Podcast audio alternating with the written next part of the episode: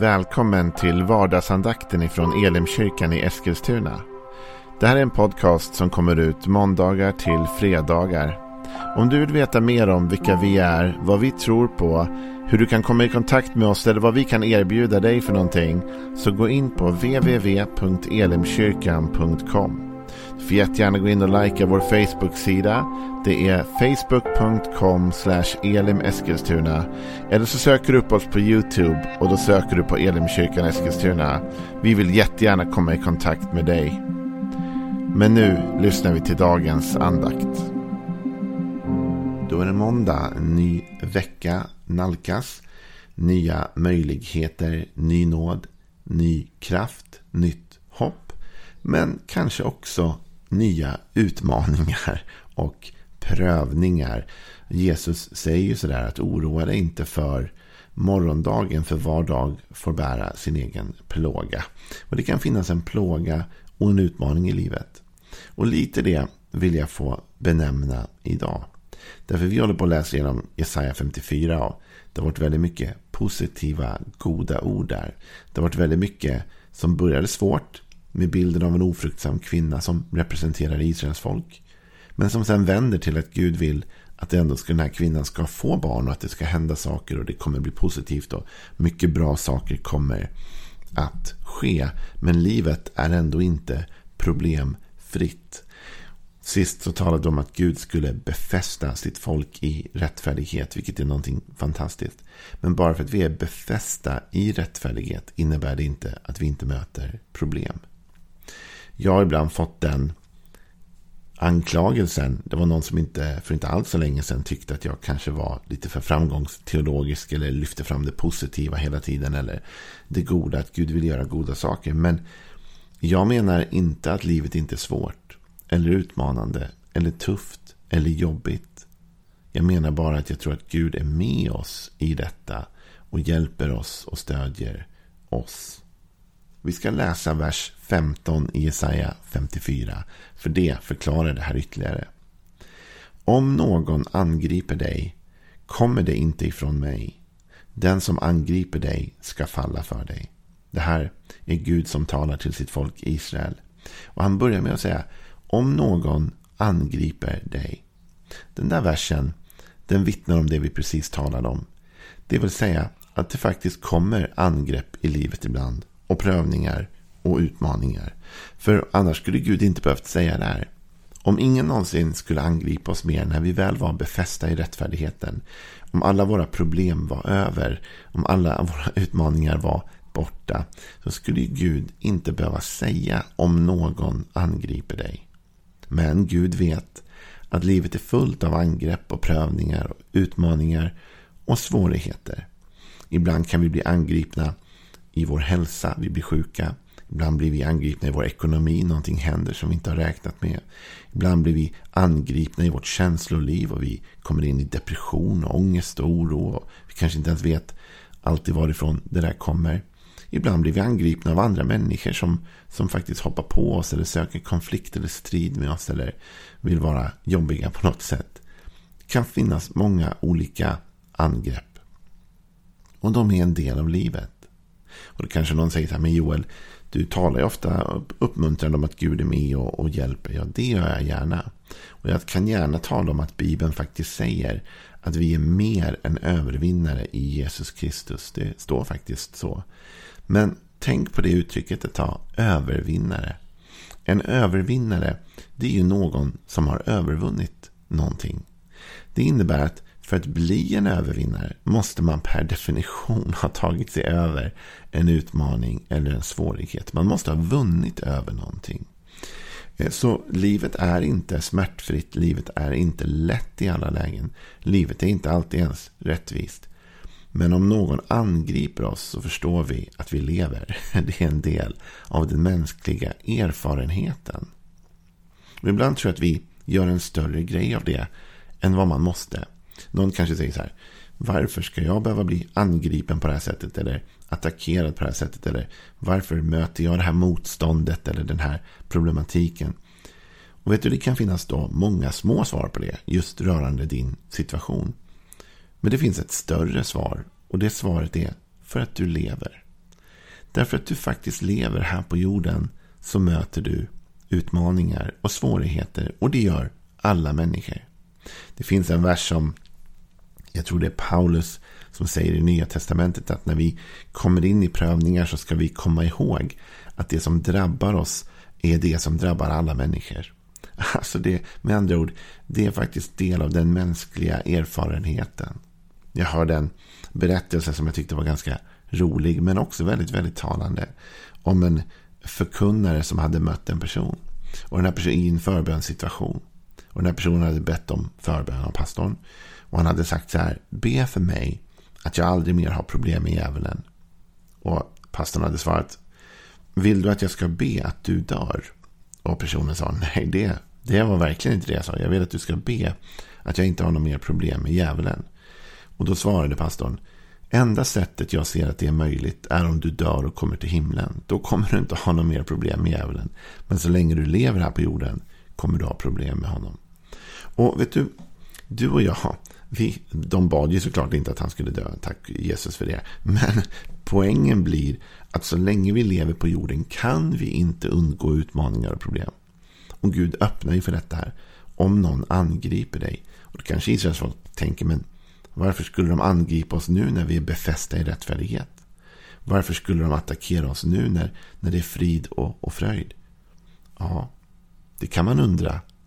Men ändå säger Gud, om någon angriper dig. Kommer det inte från mig? Nu är vi inne i en situation med Israels folk. Där de inte längre pendlar in och ut ur rättfärdighet. Därför Gud har sagt att han skulle befästa dem i rättfärdighet. Han har talat om det nya förbundet i Jesus. Han har talat om att han inte längre kommer vara arg på dem. Därför att nu är synden sonad. Jesus har betalt priset. Jesus har betalt för din synd. För dina misstag, för din svaghet. Både allt det dumma du har gjort. Allt det dumma du kommer göra idag. Eller har gjort idag redan. Och allt det dumma du kanske kommer göra imorgon. Allt det där har faktiskt Jesus betalt för redan. Och när vi tar emot honom i vårt hjärta så får vi förlåtelse för allt det där. Och så säger Gud, så ni faller inte ur och det, då är det inte längre jag. Jag kommer inte angripa er. Jag har inget otalt med dig nu när du har tagit emot nåden och frälsningen och jag kommer inte attackera dig. Jag tror det är ett viktigt perspektiv att förstå. Därför det som ofta händer i livet när det blir svårt i livet det är att vi vänder vår klagan mot Gud. Och så säger vi Gud, varför gjorde du det här? Varför tillät du det här? Men det är inte Gud som attackerar oss. Och jag tror ibland att när vi riktar vår aggression mot Gud så blir det en snedvriden riktning. Därför det är inte Gud som tynger oss, attackerar oss. Om någon angriper dig kommer det inte från mig, sa Gud. Och här finns en teologisk spännvidd. Där det finns en utmaning i det faktum att Gud säger att om någon angriper dig så kommer det inte från dig, från mig. Men Gud kunde ju kanske ha stoppat det. Det är ju den frågan många brottas med. Varför Gud tillät du att någon angrep mig? Varför lät du dem attackera mig egentligen? Läser vi vidare så ser vi att Gud kommer gripa in i situationen. Men han tycks ändå tillåta angreppet, attacken, att ske. Och det är klart att om du och jag eh, skulle vara vänner och vi är ute och går någonstans och så kommer det fram någon och attackerar mig och du inte ingriper, inte hindrar. Så skulle jag säkert efteråt kunna skälla på dig varför, varför ställde du inte upp för mig? Varför, varför grep du inte in? Varför gjorde du inte något? Jag skulle kunna rikta all min aggression mot dig. Och det kan man tycka skulle vara, vara korrekt. Men vem är det egentligen jag borde rikta min aggression mot? Det är såklart den som attackerade mig. Det är där problemet låg. Hade den attacken aldrig skett. Det var ju det som var det stora utmaningen. Och jag tror ibland att när vi attackerar Gud för att han inte hindrar eller grep in. Så kan vi tycka oss ha rätt att göra det. Och du får göra det om du känner för det. Men det stora problemet är ju den som angrep oss. Och när vi läser vidare i texten ser vi att Gud faktiskt kommer kliva in och gripa in. Men han kan tillåta att attacken sker. Om någon angriper dig Ja, det kommer inte från mig, sa Gud. Inte från mig. Jesus försöker förklara det här, varför det är viktigt för oss att förstå det. Att det inte är Gud som attackerar oss. Faktum är att Jesus tar upp just den problematiken i Matteus 12. Och det är inte han som tar upp den utan det uppstår en diskussion därför det händer något väldigt märkligt. I Matteus 12, vers 22 står det Sedan förde man en man till Jesus som var en som var blind och stum.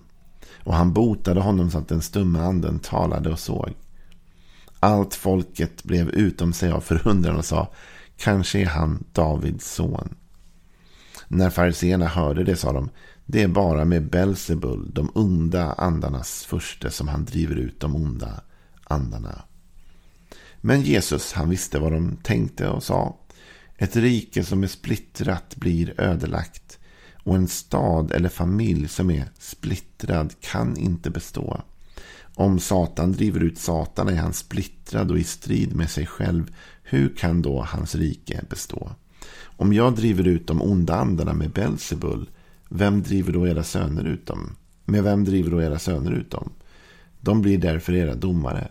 Men om det är med Guds ande jag driver ut de onda andarna, då har Guds rike nått er. Jesus talar om att ett rike som är splittrat och attackerar sig själv, det riket kan inte bestå. Så om vi tror att Gud attackerar sitt eget folk så attackerar han ju sitt eget rike och per definition går han emot Jesu egen undervisning som säger att nej, så gör vi inte. Det är djävulen som attackerar. Det är inte Gud. Utan Gud, han attackerar inte sitt eget rike. Han attackerar ondskan. Han attackerar motståndaren. Men han attackerar ju inte sitt eget rike eller sitt eget folk. För det vore ju en strategi där han skjuter sig själv i foten om du förstår vad jag menar. Man attackerar ju inte sitt eget. Så Gud säger, om, det kom, om någon angriper dig kommer det inte från mig. Och Jesus säger, det följer all logik. Därför ingen kan attackera sitt eget rike. Då kan det riket inte bestå. Utan det måste finnas en enhet, inte en splittring. Det splittrade familjen, riket, kan inte bestå. Men sen säger faktiskt Gud de här följande verserna som är till stor uppmuntran för dig och mig. Då, mitt i utmaningen. Han säger, om någon angriper dig kommer det inte från mig. Och den som angriper dig ska falla för dig. Den som angriper dig ska falla för dig. Och då kommer vi in i tanken av att i Kristus så förmår vi att övervinna utmaningar och svårigheter. Allt förmår jag i honom som ger mig kraft. Och att vi är mer än övervinnare i Kristus Jesus. Men vi, vi har saker att övervinna.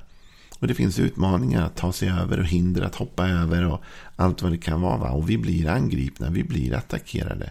Men den som angriper oss kommer falla för oss.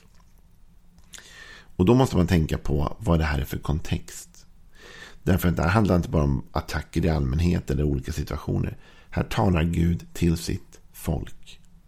Han talar till sitt Israel. Och han säger den som angriper dig ska falla för dig. För när man angriper Israel så angriper man ju Guds rike. Man angriper Gud själv. Det är därför det är så viktigt för dig och mig att ha så mycket av vårt liv ändå i fokus kring vad Gud vill att vi ska göra. Därför om ditt och mitt liv handlar om det Gud vill att du och jag ska göra, då är vi i hans vilja. Och den som attackerar oss attackerar Guds vilja. Och attackerar man Guds vilja, då attackerar man Gud själv. Och attackerar man Gud själv, då kan man inte vinna.